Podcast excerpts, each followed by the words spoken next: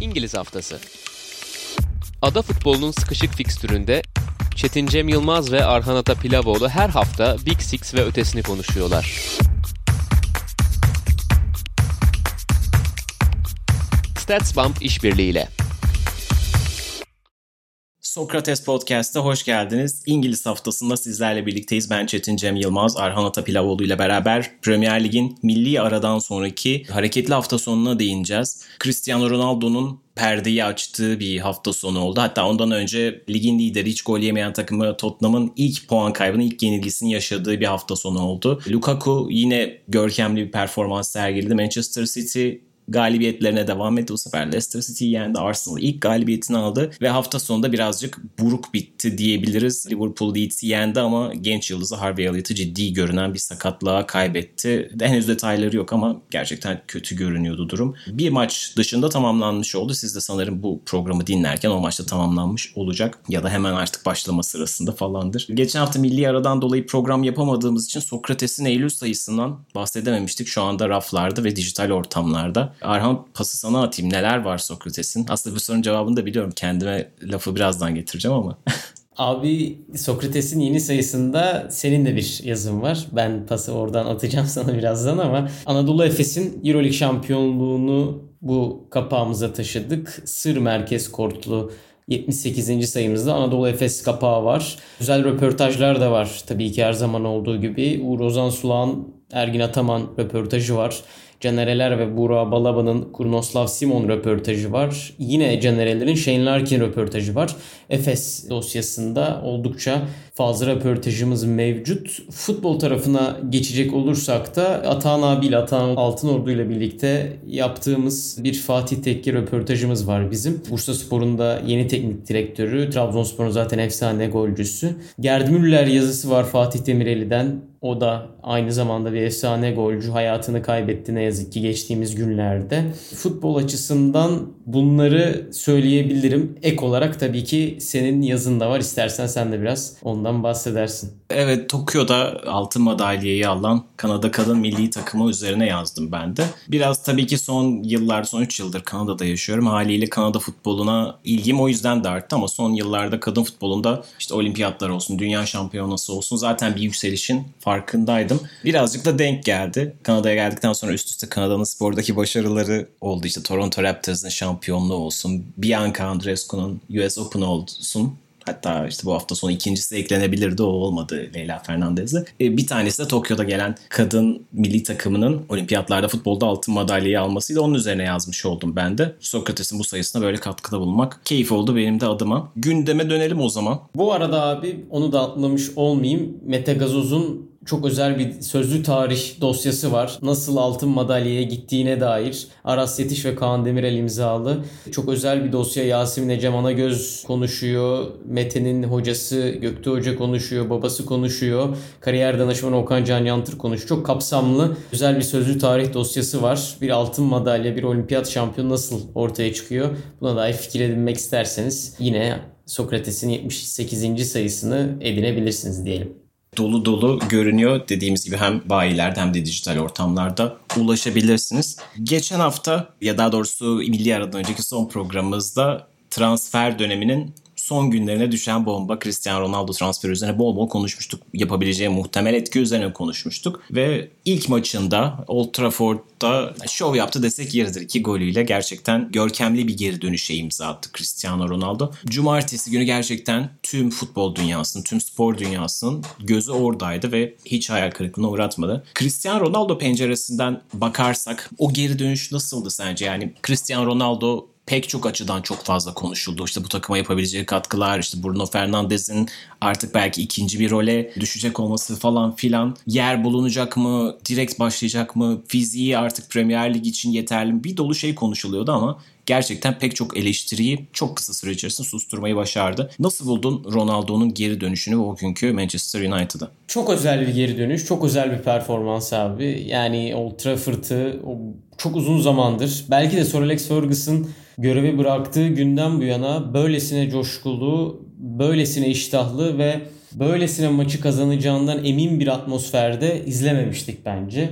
Cristiano Ronaldo da bir açıklama yapmış maçtan hemen sonra. Yani çok belki belli etmedim ama gerçekten çok gergindim diye. Olmaması mümkün değil. Yani ilk maçına çıkan Sam Allardyce orada. Sir Alex Ferguson orada. Binlerce taraftar orada onun inanılmaz bir performans göstermesini bekliyor. Stadyumda olanlar bir yana olmayan ve bu maçı takip eden milyonlar var. Muhtemelen izledim izlemedim bilmiyorum ama göz ucuyla da en yakın rakibi, en önemli rakibi Lionel Messi de bir maça bakmıştır. Belki sonrasında bakmıştır, belki izlemiştir gerçekten de ama gerçekten tüm dünyanın gözü Cristiano Ronaldo'nun performansındaydı. Bunu bilerek de biraz iştahlı başladı bence maça. Çok denedi, çok ısrar etti. E, olmayacak yerlerden bazen hücum aksiyonlarına katılmaya çalıştı.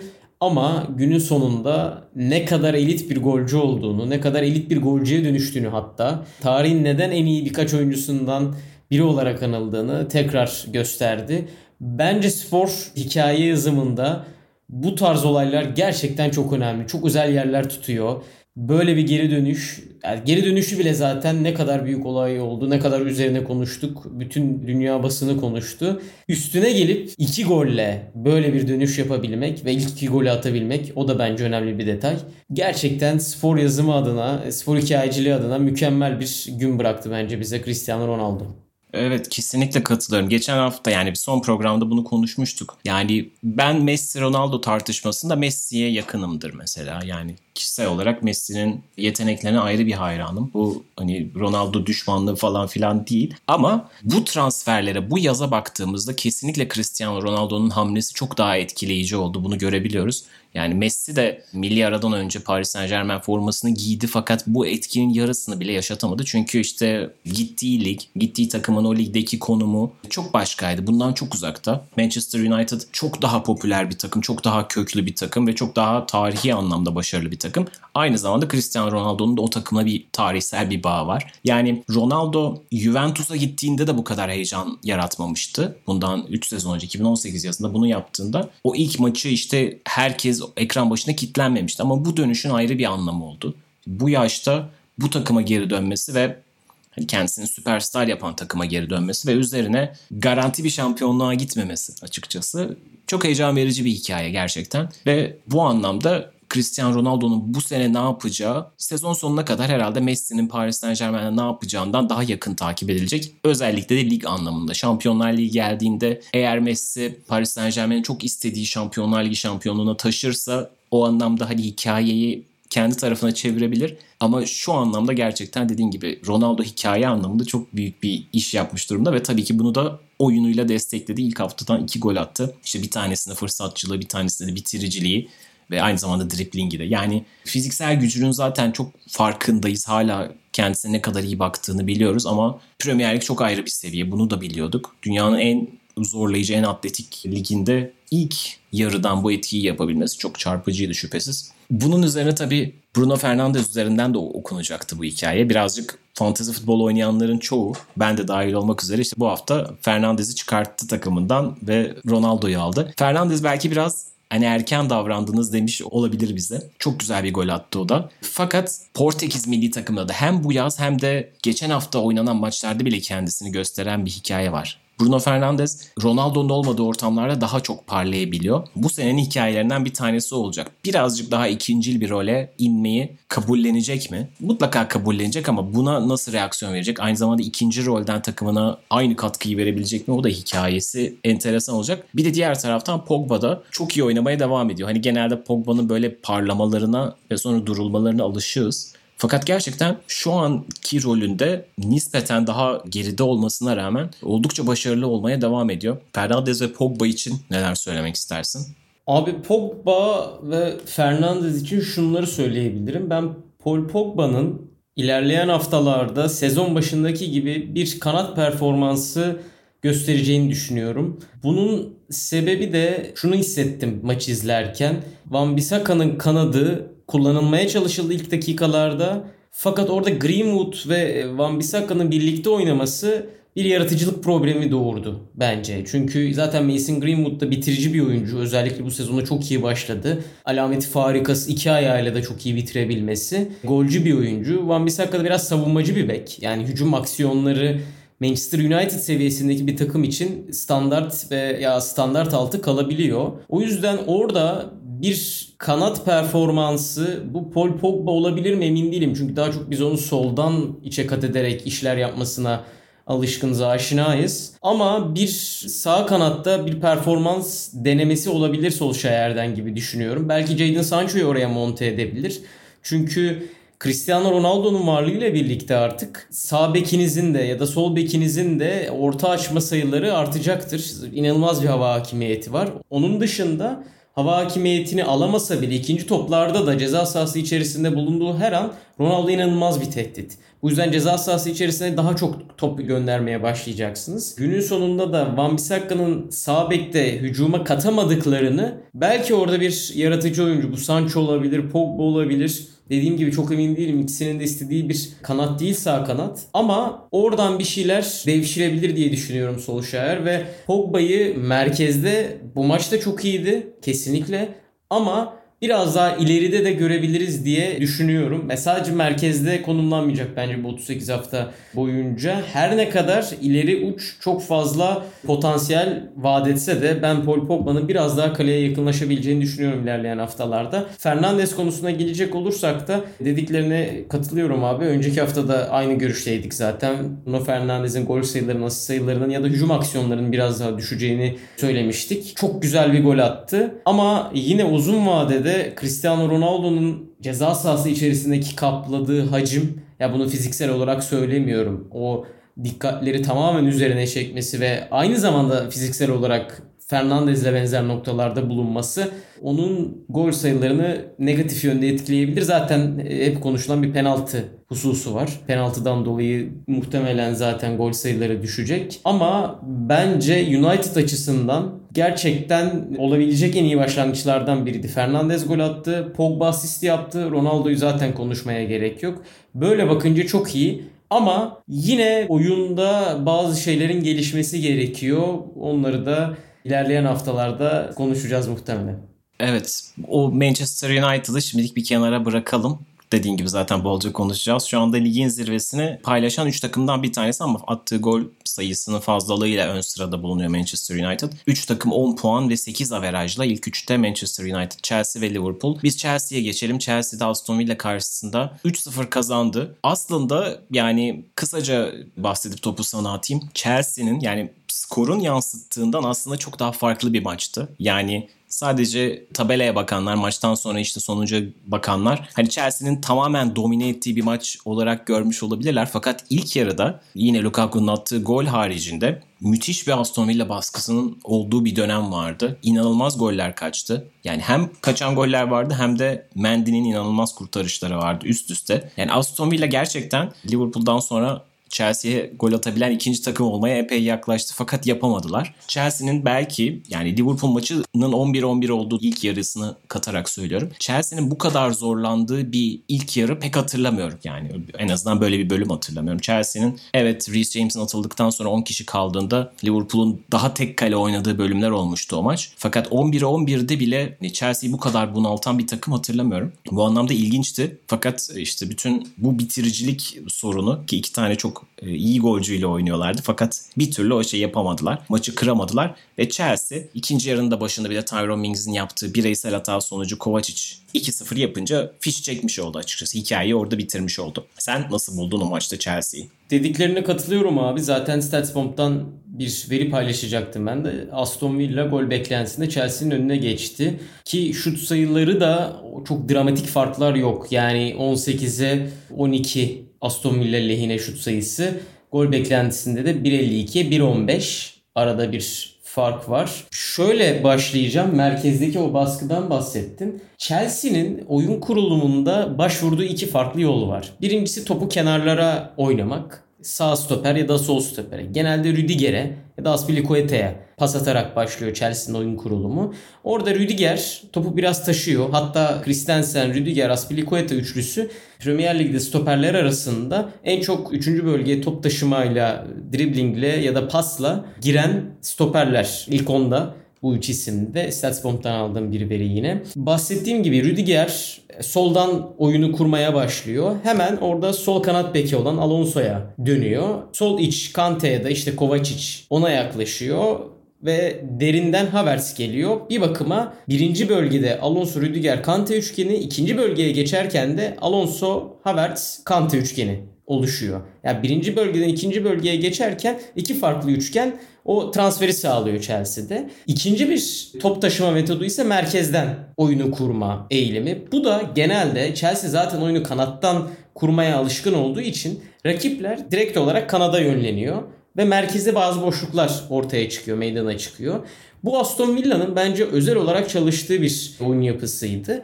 Özellikle ilk golde, Lukaku'nun attığı ilk golde Kovac için bireysel yeteneğiyle geldi gol tamamen. Yine oyun kanada doğru açılacaktı Chelsea'de. Mendy merkeze oynadı Kovacic'e. Kovacic aldı topu. Oradan çıkması çok zordu. Çıktı inanılmaz bir pas attı ve inanılmaz bir gol ortaya çıktı. Yani Lukaku'nun da bitiriciliği ve stoperi düşürüşü çok özel.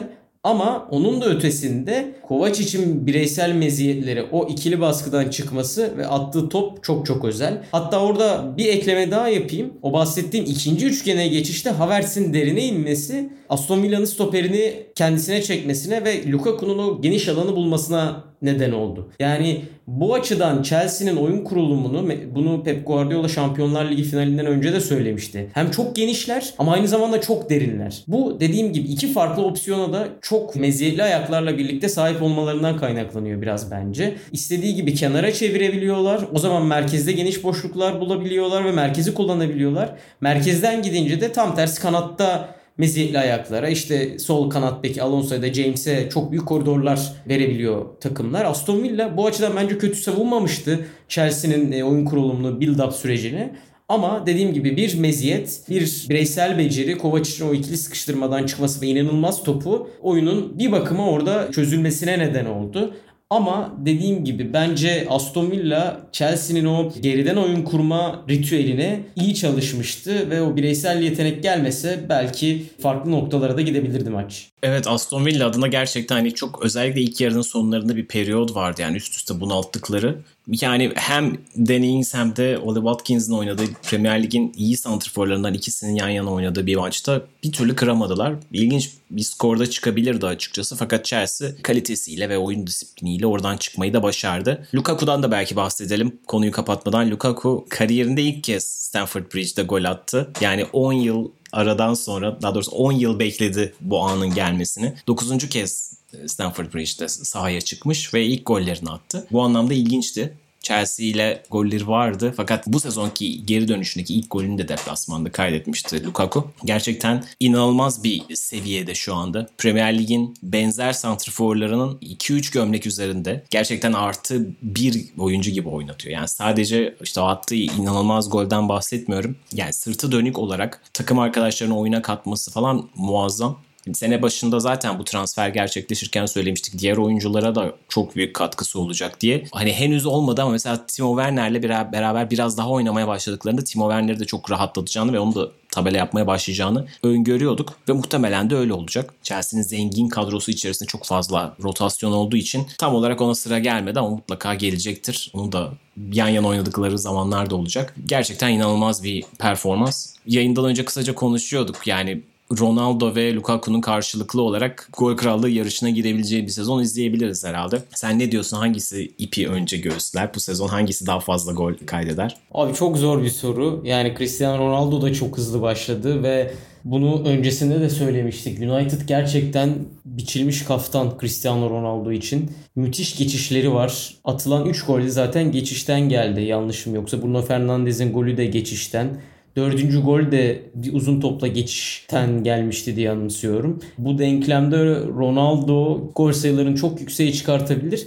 Ama diğer taraftan bakınca Lukaku da Chelsea için yani mükemmel bir uyum yakalıyor. Hatta ben şöyle bir düşüncem de var. Öyle cevaplayayım sorunu. Kai Havertz mükemmel başladı sezona. Geçen sezon Timo Werner'le birlikte çok eleştiriliyordu. Ama bence bu sezon çok farklı meziyetleri olduğunu gösterdi.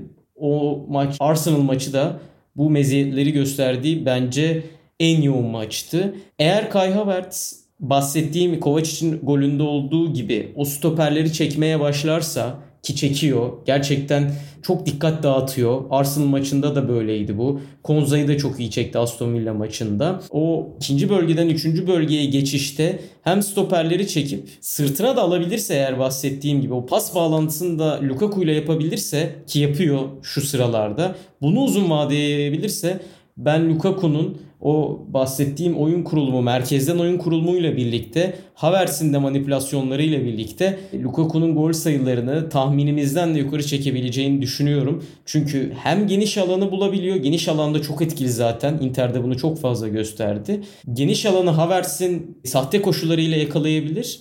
Eğer Havertz kaleye sırtını dönerse de o dar alanlarda da Arsenal maçında yaptıklarını anımsıyoruz. O yüzden ben şimdilik Lukaku diyorum ama düştüğüm şer e, Kai Havertz'in bu performansını uzun vadeye yayması. Evet ben biraz daha Ronaldo'ya yakın duruyorum şu anlamda. Manchester United biraz daha patlayıcı tarafı yüksek bir takım ve hani bu cumartesi yaşanan gibi 4 gollü 5 gollü galibiyetleri daha çok alacaklar gibi geliyor. Chelsea tarafında hani bir gol atıp fiş çektikleri maçlar daha çok olacak gibi geliyor. O yüzden Ronaldo'nun daha fazla gol atacağını tahmin ediyorum ama bu iki oyuncunun da muhtemelen hani 25 üstü atacağını herhalde tahmin etmek çok zor değil. O yüzden hani diğeri de çok az geride kalacak anlamında değil bu. Kısaca hemen hatta gol krallığının yarışında saymış oldum. West Ham'ın golcüsü Michael Antonio ve Bruno Fernandes. Dörder golde Muhammed Salah ve Dominic Calvert-Lewin ki o da pazartesi günü biz bunları dinlerken oynuyor olacak ya da oynamış olacak. Gerçi onun da ufak bir sakatlığı vardı. Yetişecek mi yetişmeyecek mi emin değilim. Ve Lukaku ve Greenwood üçer golde Ronaldo geç başladı ama iki golle yarışa dahil olmayı başardı diyelim. Otson Eduard da bu arada iki golle gol krallığına evet. hızlı bir başlangıç yaptı. Onu da konuşuruz. Evet. Aynen Crystal Palace tarafında ben de ondan bahsetmek istiyordum. Liverpool'la da beraber ilk üçü tamamlamış olalım. Liverpool'la bu arada Crystal, e, pardon Crystal Palace diyorum. Liverpool'la Chelsea arasında enteresan bir paralellik var. Bütün haftaların skorları aynı oldu iki takım arasında şu anda. Yani Liverpool'da Chelsea ilk hafta 3-0 kazandı. ikinci hafta 2-0 kazandı. Sonra karşılıklı oynayıp beraber kaldılar tabii ki 1-1. Ve bu hafta ikisi de yine aynı skoru aldı. Dolayısıyla bütün attıkları yedikleri aynı. Henüz sıralamada ayrılamıyor bu iki takım. Liverpool Leeds United karşısında gerçekten çok baskılı bir oyun oynadı. Yani gol beklentisi anlamında, şut anlamında çok üstündü. Salah ve Mane'nin çok iyi bitirici bir gününde değildi bu ikili. Çok iyi bir bitirici gününde olmadıkları için çok daha tarihi bir fark kaçtı denebilir. Fakat yine 3-0 hani Leeds United deplasmanında iyi bir galibiyet Liverpool adına. Fakat yani maçın işte ilk bir saati dolarken öyle bir an yaşandı ki Liverpool adına pek galibiyetin de tadı kalmadı. Sezonun genç yıldızı ilk haftalardan itibaren kadroya giren Harvey Elliott 18 yaşındaki genç yıldız çok ciddi bir sakatlık yaşadı. Bir kontratak sırasında Strike'ın arkadan müdahalesi sonucu yerde kaldı ve o anda zaten pozisyon tekrarı gösterilmedi. Videolardan, fotoğraflardan görebilirsiniz ama yayın sırasında hemen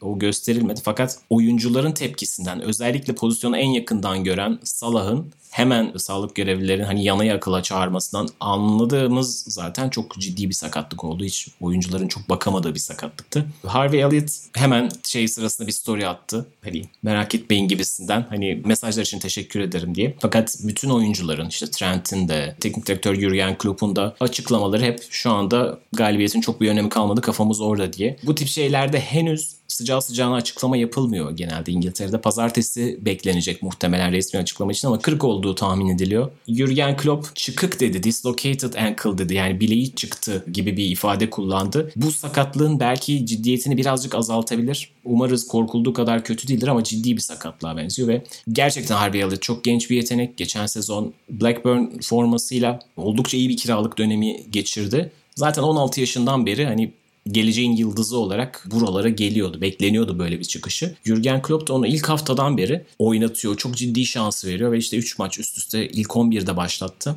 Yani çok talihsiz. Umarız çok genç bir oyuncu. Umarız sağlıklı bir şekilde geri döner. Fakat yani çok şanssız dediğim gibi ve futbolda da bu tip yani kontak sporlarında fiziksel olaylarda o kadar anlık ki bazı şeyler. Yani Leeds United oyuncusu Strike'ın o anda tabii ki sakatlama niyetiyle gelmediğini biliyorsunuz. Çünkü topu almak için geliyor. Evet biraz kontrolsüz ve zaten arkadan müdahaleler futbolda hep riskli ve işte 90'lardan itibaren yasaklanmış. Önce sarı kart sonra kırmızı kartla cezalandırılan hamleler ki zaten kırmızı kartla oyun dışına kaldı.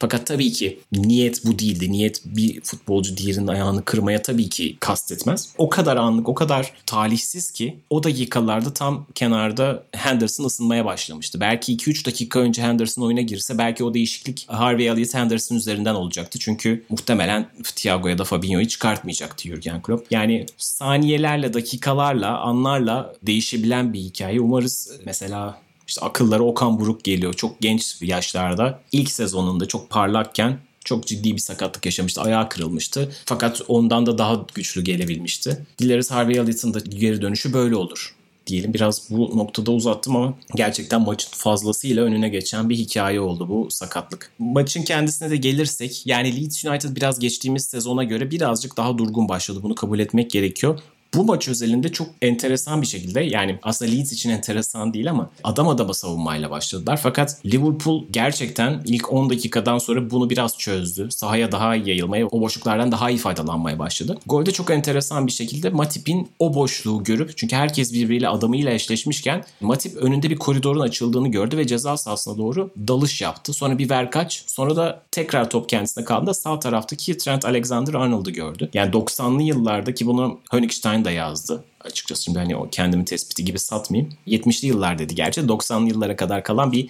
libero kültürü vardır. İşte eskiden Matthias Zammer'ler, daha öncesinde Beckenbauer'lar, Chelsea'de oynadığı dönemde Ruud Gullit'te libero olarak topu kaleciden alıp sürerek karşı yarı sahaya geçirme gibi bir düzen vardı. Libero denen şey buydu. Gerçekten ona atıfta bulunurcasına topu sürdü. Son derece zekice bir davranıştı ve kilidi orada açtı. Leeds United adına fırsatlar vardı fakat Liverpool o kadar fazla fırsat yarattı ki yani ilk yarı gerçekten 3-0 4-0 gibi bitebilirdi. Maçın da bu kadar yakın olması da aslında ikinci yarının da bu kadar belki hala kıran kırana geçmesinin sebebi oldu. Yani hep bahsediyorum ya işte çok anlar, hep küçük detaylar. Maç o noktaya gelmeyebilirdi. Fakat tabii ki bunun önüne geçemiyorsunuz. O noktada talihsiz sakatlık yaşandı ve Liverpool adına keyifsiz bir gün oldu açıkçası 3-0 kazanılmasına rağmen. Senin Liverpool'a dair ya da Harvey Elliott'a dair ekleyeceklerin var mı Arhan? Çok talihsiz bir sakatlık abi dediğin gibi. Elliot bu Liverpool orta sahasında kendisine yer bulmayı başaran sayılı isimlerdendi. Şu açıdan söylüyorum bunu. Oxlade Chamberlain o da çok sakatlıktan muzdarip ama bir türlü 11'e kendini yazamamıştı. Naby Keita geldiği günden bu yana bir türlü istenileni veremedi. Ve Fabinho, Henderson, Wijnaldum üçlü orta sahasını biz Liverpool'un ilk 11'i olarak hep kafamızda yazdık. Wijnaldum'un Liverpool'dan ayrılmasıyla birlikte orada da bir oyuncu eksiği aslında otomatik olarak doğdu. Thiago mu girecek oraya? Milner mı bu yaşında girecek? Yoksa Chamberlain başka bir şeyler sunabilecek mi derken Jurgen Klopp başka eksiklerin de olduğu düzlemde Harvey Elliott'ı oyuna sürdü. Bu sezon gerçekten de iyi başlamıştı. Özellikle Chelsea maçındaki performans çok etkileyiciydi. Kendine güveni ceza sahası içerisindeki kıvrak ve korkusuz hamleleri beni etkilemişti ama ne yazık ki bu sakatlık bahsettiğin gibi senin de birkaç saniye içerisinde oyuncunun kaderi 180 derece değişebiliyor. Yani çok çok üzücü. Bunu ben ara sıra Messi ve Ronaldo açısından da düşünüyorum. Ne mutlu ki bu oyuncular gerçekten kariyer bitirici sakatlıklar yaşamadılar. Burada tabii ki ikisinin de kendisine üst düzeyde bakabilme profesyonelliğini de göz önünde bulundurmamız gerekiyor. Ama aynı zamanda dediğim gibi bazı sakatlıklar ya darbeye bağlı öyle sakatlıklar olabiliyor ki istediğiniz kadar genetik, istediğiniz kadar profesyonel yaşantınız olsun. O sakatlık yaşamak zorunda olabileceğiniz bir sakatlık olabiliyor. O yüzden o açıdan da böylesine bir rekabeti tanık oluyor oluşumuz aslında dediğim gibi bu sakatlıkların onlar tarafından çok fazla yaşanılmaması. O açıdan da şanslıyız. Benim de aklıma sen Okan Buruk dedin. Aaron Ramsey'nin sakatlığı gelmişti. Benim çok sevdiğim bir oyuncudur. Ryan Shawcross'la girdiği bir mücadele sonucunda ayağı kırılmıştı. Sonrasında onun darbeye bağlı olmayan çok fazla kas sakatlığı oldu. Tabii ki ayrı bir konu ama o çok can sıkıcı e, Harvey Elliott'a benzer bir yaşta geçirmişti ve kaderi sakatlık oldu Aaron Ramsey'nin. Dediğim gibi farklı iki sakatlık ama umarım Elliott Ramsey'nin kariyerine benzer bir kariyer yaşamaz sakatlık açısından ve bahsedilen potansiyeline bu sakatlık nedeniyle ulaşamamazlık etmez diyeyim. Evet bu arada Messi ve Ronaldo konusunda çok güzel bir yere temas ettin. Bundan yaklaşık 4-5 sene önce Sir Alex Ferguson'ın Amerika'da verdiği bir röportaja denk gelmiştim. YouTube'da var. Ona Messi ve Ronaldo soruluyor. İşte zamanımızın en büyük iki oyuncusu. Siz bir tanesiyle de beraber çalıştınız. Bu iki oyuncuyu nasıl değerlendiriyorsunuz? Onların sırları nedir? Neden bu kadar iyiler diye. Ferguson ilk söylediği şey yetenekten, işte çalışmadan falan önce bu iki oyuncu fiziksel olarak çok üst düzeyde ve hiç sakatlanmıyorlar. Hiç ciddi sakatlıklar yaşamadılar. En büyük artıları bu diyor. Yani bu tabii ki bazı anlamlarda kendilerine çok iyi bakmaları, tabii ki genetik olarak çok üst düzey insanlar olmaları ve bazı açılardan dediğin gibi şanssız sakatlıklara da maruz kalmamaları. Yani gerçekten işte birkaç ay sakatlık yaşadılar maksimum ki hani bu hepimiz için futbol dünyası için çok büyük bir şanstı. Bunu bazen göz ardı edebiliyoruz gerçekten. Bir futbolcu için sağlıklı kalabilmek en değerli şey işte çok yetenekli pek çok oyuncu var. Bunlardan bir tanesi işte senin bahsettiğin gibi Aaron Ramsey. Michael Owen'dan bahsedebiliriz. Kariyeri boyunca çok sık sakatlıklarla uğraşmış bir oyuncu. Özellikle işte kırıkların falan ötesinde diz gibi sakatlıklar çok daha kalıcı olabiliyor ve mesela işte Michael Owen hikayesinde olduğu gibi bir daha iflah olmayabiliyor oyuncu. Bir daha sezon boyunca işte 40 maç oynayabilecek seviyeye hiçbir zaman gelemeyebiliyor. Bu anlamda Dileriz Harvey Elliott ve diğer bütün sporcular böyle büyük sakatlıklardan uzak kalırlar ve bundan daha iyi geri döner. Yani bu eskisinden daha güçlü geri döner Harvey Elliott diyelim. Ve Manchester City tarafına geçelim. Manchester City'de Leicester City'yi 1-0 yendim. United maçına idi açıkçası gözlerim. Ben o yüzden çok detaylı da izleyemedim maçı. Hani birazcık aralarda geri dönüp bakarak ve sonra da özetlerini izledim. Fakat Manchester City tarafında topu sana atacağım. İlk hafta yenildikten sonra üst üste 3. galibiyetinde yine gol yemeden almayı başardı Pep Guardiola'nın öğrencileri. Nasıl buldun maçı ve Manchester City'yi? Abi Manchester City'nin artık belirginleşen birkaç noktası var. O noktalardan bahsederek başlayayım. Bence en temel belirgin nokta Gabriel Jesus'un sağ kanattaki etkinliği. Bu bireysel etkinliğinden ziyade şuraya değinmek istiyorum. Manchester City Jack Grealish'in takıma katılmasıyla birlikte oyunu iyiden iyi artık sola doğru oynamaya başlıyor. Sol tarafta kurmaya başlıyor. Sol tarafta bitirmeye başlıyor. Bu durum otomatik olarak Gabriel Jesus'un sağ tarafta inanılmaz büyük boşluklar bulmasına da aynı zamanda sebebiyet veriyor.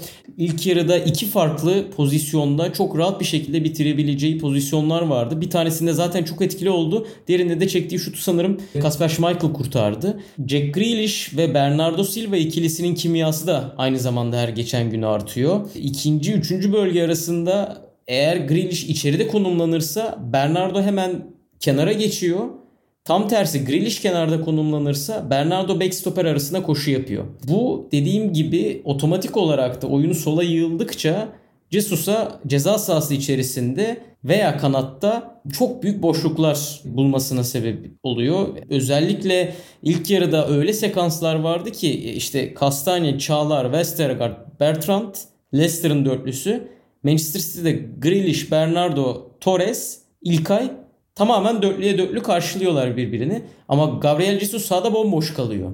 Ve bir ters topla ya da Jack Grealish'in bireysel becerisiyle ceza sahasının içeri girip dışarıya açtığı bir topla ceza sahasında Jesus topla buluşabiliyor ya da Manchester City'den herhangi birisi topla buluşabiliyor ki buna benzer hem Norwich maçında örnekler gördük hem Arsenal maçında örnekler gördük. Bu ilerleyen haftalarda da bence rakip takımların dikkat etmesi gereken bir nokta olacak bence. Buna önlem olarak Leicester City Harvey Barnes'ı getirebilirdi ki bu takibi yapabilecek bir oyuncu Barnes. Çünkü gerçekten çok büyük boşluklar buldu. Ama orada da şöyle bir şey dikkatimi çekti benim. Kyle Walker normalde Cancelo'nun bindirme yapan ya da sahte bek gibi konumlanan bek olduğunu biliyoruz Manchester City'de. Walker da işte stoper hattının 3. stoperi olarak görevlendiriyor Pep Guardiola'nı genelde. Diaz, Stones, Walker'ı çok izlemiştik geçen sene. Ama bu maç özelinde biraz daha merkezde konumlandı. Kyle Walker tamamen bir sahte bek gibi değildi. Özellikle birinci bölgeden ikinci bölgeye top taşındığında Walker da sağ bekten iyice merkeze yanaştı. Ve bu durum aslında biraz Harvey Barnes'ı da kanattan ziyade merkezde konumlanmasına neden oldu. Bu da Jesus'un aynı zamanda boşluklar bulmasına yardımcı olan etkenlerden biriydi. Ek olarak şunu söyleyeyim. Walker'ın bu şekilde konumlanması bence Jesus'a bir alan açmaktan ziyade Leicester City'nin merkezden o delici gücünü önlemekti. Çünkü geçişi en iyi savunan bireysel savunmacı çıkara Kyle Walker Manchester City savunmasında. Evet bazen sakarlıklar yapıyor ama hızıyla birlikte bütün kontraları durdurma tehdidi Kyle Walker'dan geçiyor. Hatta yine ilk yarıda Harvey Barnes'ın pozisyonunu çok iyi önledi. Ve bence Pep Guardiola geçen sene 5-2'lik maçı da düşünmüş olabilir. Orada da merkezden çok fazla tehdit edebilmiştir Manchester City'yi. Bu yüzden Kyle Walker orada bir emniyet olarak kullandı ve Jamie Vardy'ye atılan uzun toplarda ya da o merkezde hemen hızlı şekilde çıkmalarda Walker'ın geçişi önleme meziyetlerinden yararlandı. Çünkü Leicester City bu 4-4-2'siyle birlikte o Jamie Vardy'nin yanında kim oynuyorsa işte bu maç özelinde James Madison derine indiğinde gerçekten hatlar arasında çok büyük boşluklar bulabiliyor. Neden? Vardy zaten belki de Premier Lig'in offside çizgisini en iyi ayarlayan forveti. Bu da otomatik olarak olabildiğince savunma çizgisini rakip kaleye yakınlaştırmak demek. Orta sahayı da önde basan bir takım olarak Manchester City geri çekemeyeceğine göre merkezde çok büyük boşluklar elde edebiliyor Leicester City bu şekilde. Vardy stoperleri çekiyor. Zaten Manchester City'nin ön alan baskısı sayesinde orta saha bayağı ileride ve ortada 30-40 metrelik boşluklar olabiliyordu. Madison da derine indiğinde topla buluştuğunda bir tek topla Leicester City rakip alanda kendine fırsat yaratabiliyordu. Orada işte Kyle Walker hamlesi hem o geçişi önledi hem Madison'la birebir eşleşmeyi sağladı. Böylece savunmada Manchester City evet geçiş yedi. Zaten yememek pek mümkün değil Leicester City'ye karşı ve bu kadar ön alanda oynarken Manchester City gibi bir takımda. Ama bence Pep Guardiola'nın bu hamlesi çok yerindeydi ve Leicester City'nin çok fazla etkili olmasını engelledi. İkinci yarıda bunu biraz değiştirdi Brandon Rodgers. Biraz daha topla oynadı. Biraz daha önde bastı. Önde bastı. Hatta şöyle de bir StatsBomb'dan aldığım veriyi paylaşayım. İlk yarıda rakip yarı sahada pres aksiyonu 11 tane. Leicester City'nin ikinci yarıda 30 tane. Bu baskı biraz Kyle Walker'ın sağ bekte tekrardan konumlanmasına neden oldu ve merkezden onu biraz uzaklaştırdı. Çünkü dediğim gibi Walker hemen merkeze Cancelo gibi gelmedi. Birinci bölgeden topla çıkışta gelmedi. Onu bir pas opsiyonu olarak kullanmaktan ziyade bir geçişi engelleme unsuru olarak kullandı. Birden ikiye geçerken kullanıyordu Walker'ı. Ama işte Leicester City'nin dediğim gibi biraz daha önüne basması, biraz daha topa sahip olması Walker'ın o birden ikiye geçişleri çok kolay yapamamasına ve daha sağ bekte konumlanmasına neden oldu. Bu açıdan da bence Brandon Rodgers'ın hamlesi iyiydi. Çünkü sadece Walker'ı merkezden uzaklaştırmakla kalmadı bu hamle. Walker'ın merkezde olmayışıyla birlikte Bernardo biraz daha merkeze indi. Bernardo merkeze inince sol kenardaki verimliliği azaldı. Ve o 45-60'ı Leicester daha iyi oynadı Manchester City'ye karşı. Yani genel olarak bence teknik adamların karşı hamleleriyle, maç önü hamleleriyle gerçekten güzel bir karşılaşma oldu. Ve böylece bu arada Manchester City'de işte yine 3 maçta 9 puanı alınca ilk haftaki yenilginin üzerine sezon başında öngördüğümüz pek çoklarının öngördüğü ilk dörtlü 4 şampiyonluk adayı olarak dizilmiş oldu. Tabii ki daha lig çok değişecek arada sürpriz takımlar çıkacak falan filan ama Manchester United, Chelsea, Liverpool ve Manchester City sıralanmış durumda ligin ilk 4 sırasına. E, arada Brighton var. Brighton'a bu hafta çok fazla değinemeyeceğiz ama önümüzdeki haftalarda yine konuşalım. Çünkü Brighton hep bu programda sevilen takımlardan bir tanesi ama hep hakkını veremiyorduk. Gelecek hafta daha detaylı konuşalım. Fakat bir sıra Altay'ın Tottenham ile bu hafta yavaştan bağlayalım derim. Crystal Palace haftanın açılış maçında Tottenham'ı 3-0 yendi. Crystal Palace'ın Patrick Vieira ile beraber ilk galibiyeti oldu bu sezonki. Tersine de Nuno Santo'nun Tottenham başındaki ilk yenilgisi oldu. Nuno Santo bu maçtan hemen önce yani hafta içerisinde ayın menajeri seçilmişti. Çok iyi bir başlangıç yaparak 3 maçta 3 galibiyet. 3'ü de 1-0'lık sonuçlarla. İlk gollerini de yemiş oldular bu şekilde. Fakat hani yenilgi ve ilk yenen goller dışında da gerçekten Tottenham adına epey kötü bir gündü. Ben biraz diğer taraftan alayım. Önce biraz Crystal Palace'tan bahsedeyim. Sonra Tottenham tarafında topu sana atayım ne dersin? Crystal Palace tabii ki Roy Hodgson'la gelen senelerin sonunda bir yeniden yapılanmanın eşiğindeydi. Patrick Vieira ile beraber gerçekten yeniden başladılar. Çünkü bu sene başlarken 11 tane oyuncuların kontratı bitiyordu ve bu oyuncularla yollarını ayırdılar. Bu oyunculardan bazıları da işte Galatasaray'a da geldiğini bildiğimiz işte Patrick Van Aanholt, Gary Cahill, Joel Ward, Andros Townsend, Scott Dan son 7-8 senedir bu takımın bir şekilde iskeletini oluşturan oyunculardan bazıları. Mamadou Sakho bütün bu oyuncularla yollarını ayırdılar ve önemli bazı parçalar kattılar. takım tepeden tırnağa değişmedi bu arada onu da söyleyelim. Yani arada çok kritik işte en başta olmak üzere Wilfred Zaha, hala ileri uçta oynayan Benteke, kaleci Guaita, orta sahadaki MacArthur hep bildiğimiz figürler.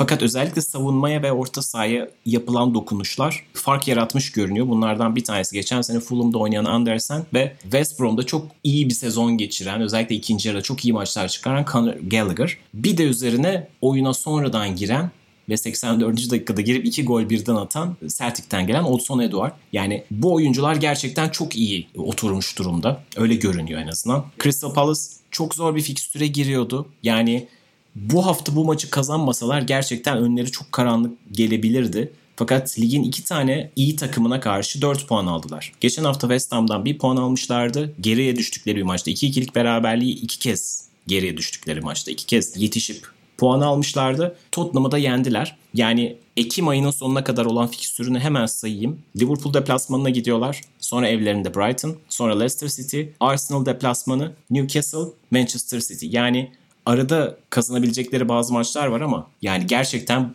Tottenham maçından galibiyet çıkmasaydı o momentum çok daha başka yerlere götürebilirdi. Fakat hem oynanan futbol hem de alınan sonuç çok kritik olacak gibi görünüyor Crystal Palace'a ve Patrick Vieira'nın performansı adına. Çok kısa da şeyden bahsedeyim. Yani Roy Hodgson çok özel, çok deneyimli bir teknik adam. Fakat biraz da çok katı bir adam. Yani kısıtlı şartlarda çok iyi işler yaptığını tabii ki yatsıyamayız. Crystal Palace'ı yıllardır korkulu rüya hiç yaşatmadan ligde tutması başarı idi kesinlikle. Fakat birazcık da Crystal Palace oyuncularında bence onlara da sirayet etmiş bir memuriyet hissi vardı. Yani o takım oynanan oyundan o kadar da keyif almıyordu gibi gelirdi bana. Bu oyun çok daha prese dayalı ve çok daha hızlı, çok daha direkt bir oyun. Zaman zaman 4-4-2 oynarlardı. Şu an daha çok direkt bir 4-3-3 oynuyorlar. Yani Conor Gallagher ve MacArthur'un orta sahadaki dinamizmi inanılmaz. Özellikle Gallagher çok çok delici bir oyuncu. Hem presi inanılmaz hem de ceza sahasında dalışları attığı toplar çok iyi. Bu stil Zaha'ya da çok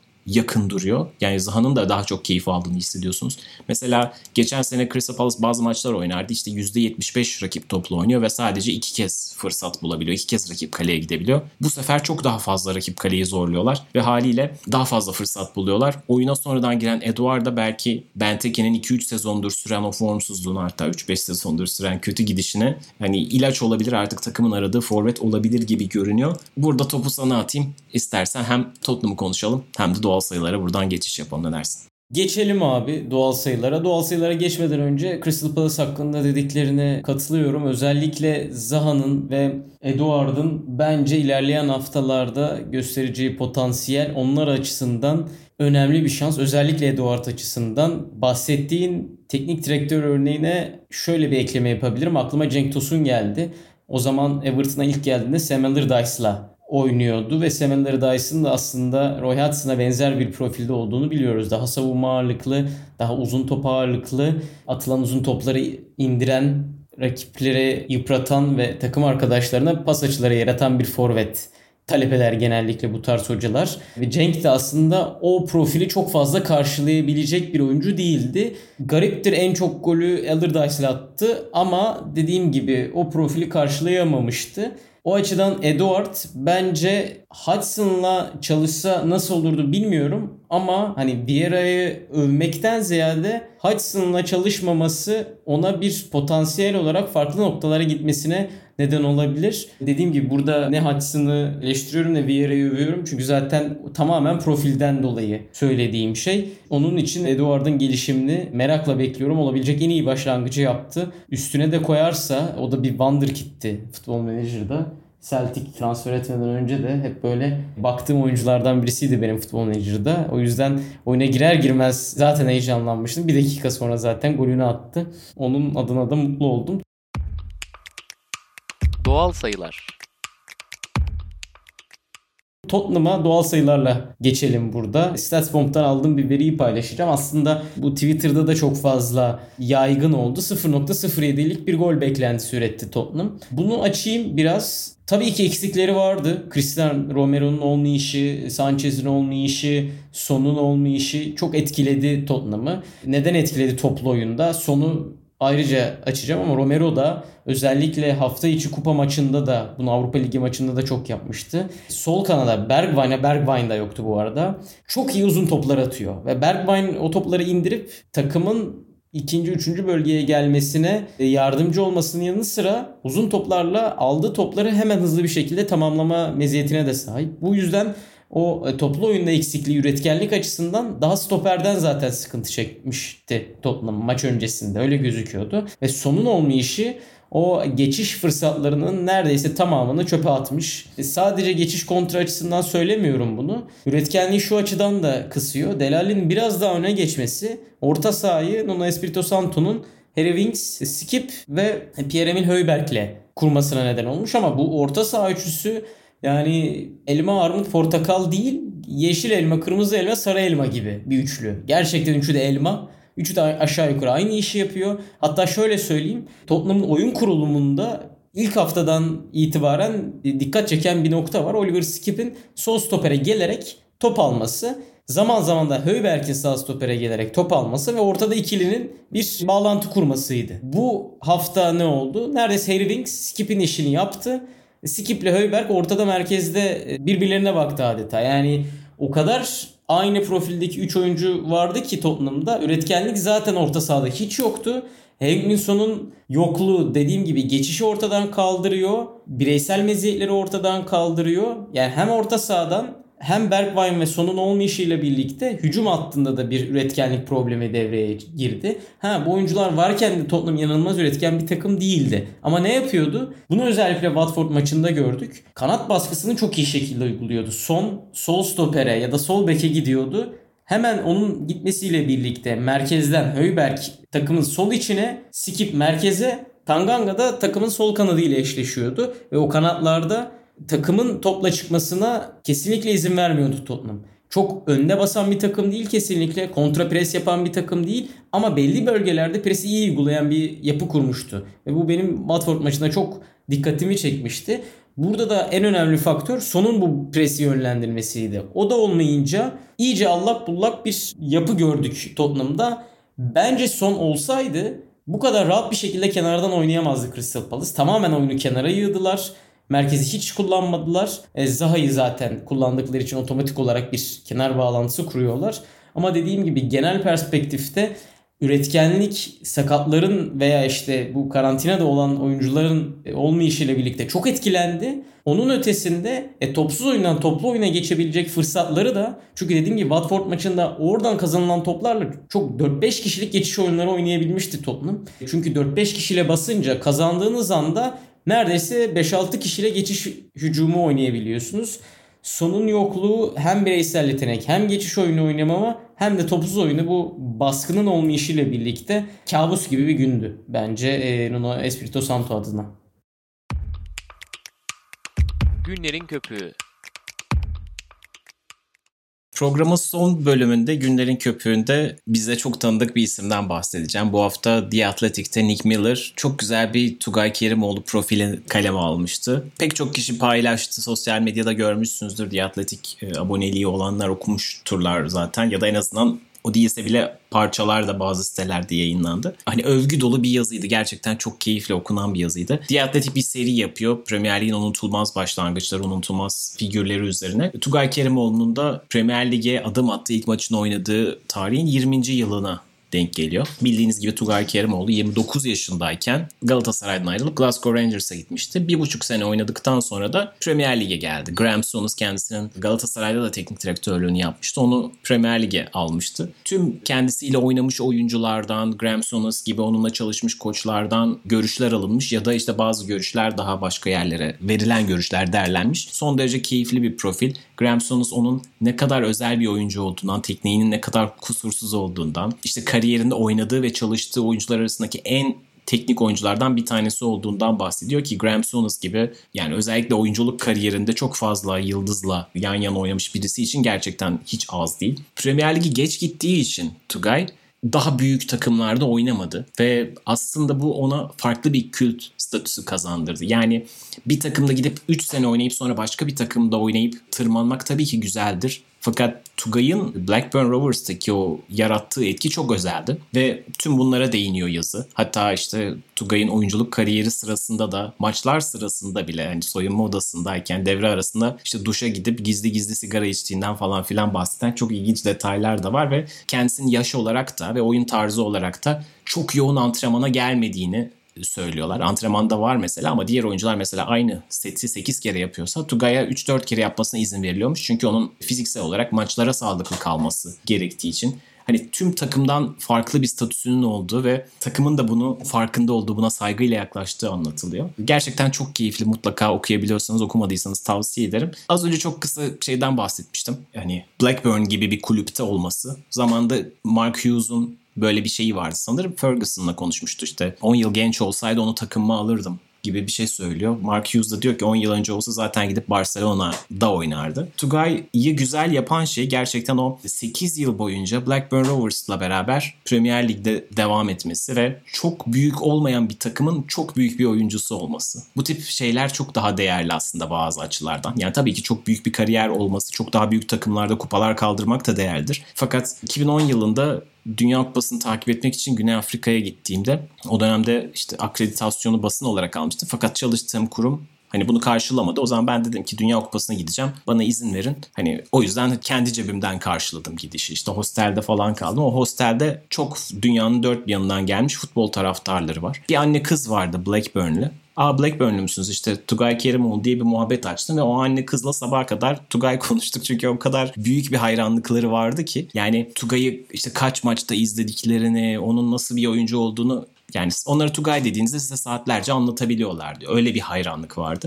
İşte bunu yaşatabilmek işte futbola dair en büyülü detaylardan bir tanesi. Bu saygıyı uyandırabilmek. Bu anlamda Tugay herhalde Premier Lig'e imzasını atmış. En silinmez imzayı atmış Türk oyuncu. Şu anda da Premier Lig'de oynayan bazı Türk oyuncular var. Çağlar iyi bir başlangıç yapmıştı. Şu anda çok iyi değil ama bir aday. Ozanlar, iki tane Ozan da şu anda Premier Lig'de. Dileriz hani bu oyuncular da ona yakın kariyerler inşa edebilirler. Fakat gerçekten Tugay Kerimoğlu Premier Lig'in 30 sezonluk kariyerine en büyük damgayı vurmuş Türk oyuncu. Bunu da söylemek gerekiyor. Abi çok güzel bir konu açtım bence. Benim de hep düşündüğüm konulardan birisidir bu. Ama önce Tugay'ın nasıl bir oyuncu olduğu ile ilgili Şenol Güneş'in kendisiyle yaptığımız röportajda verdiği çok güzel bir anekdot var. Onu paylaşmak istiyorum. 2002 Dünya Kupası'nda Tugay'ı ön libero'da oynatmasının sebebini açıklıyor Şenol Güneş. Şöyle söylüyor. Tugay'ı o noktada oynatmamın sebebi top kendisinde kalmadan geçişi yapabilen bir oyuncu olmasıydı. Orta sahadaki oyuncu top daha kendisine gelmeden atacağı yeri kafasında tayin ettiği zaman